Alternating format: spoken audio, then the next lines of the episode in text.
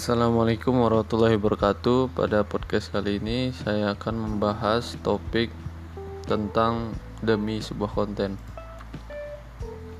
Demi sebuah konten merupakan suatu fenomena yang pada zaman sekarang ini bukanlah hal yang asing. Hmm, banyak orang menghalalkan segala cara untuk hanya sebuah konten dan mendapatkan banyak likes tanpa memperhatikan kondisi yang terjadi di sekitarnya dan terkadang bukan pada tempatnya. Membuat sebuah konten di lokasi terjadi bencana sangatlah tidak pantas, tidak mencerminkan warga negara yang menjunjung tinggi rasa kesatuan dan persatuan. Karena tindakan tersebut tidak menghargai para korban yang masih berduka.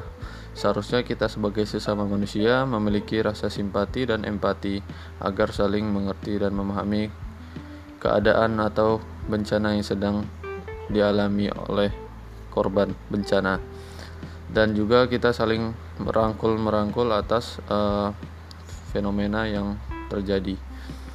Kita sebagai masyarakat yang memiliki wawasan kebangsaan sudah seharusnya dapat dapat bersikap dan berperilaku yang mencerminkan identitas nasional dan membantu para korban bencana juga sudah menjadi hak dan kewajiban kita sebagai saudara setanah air.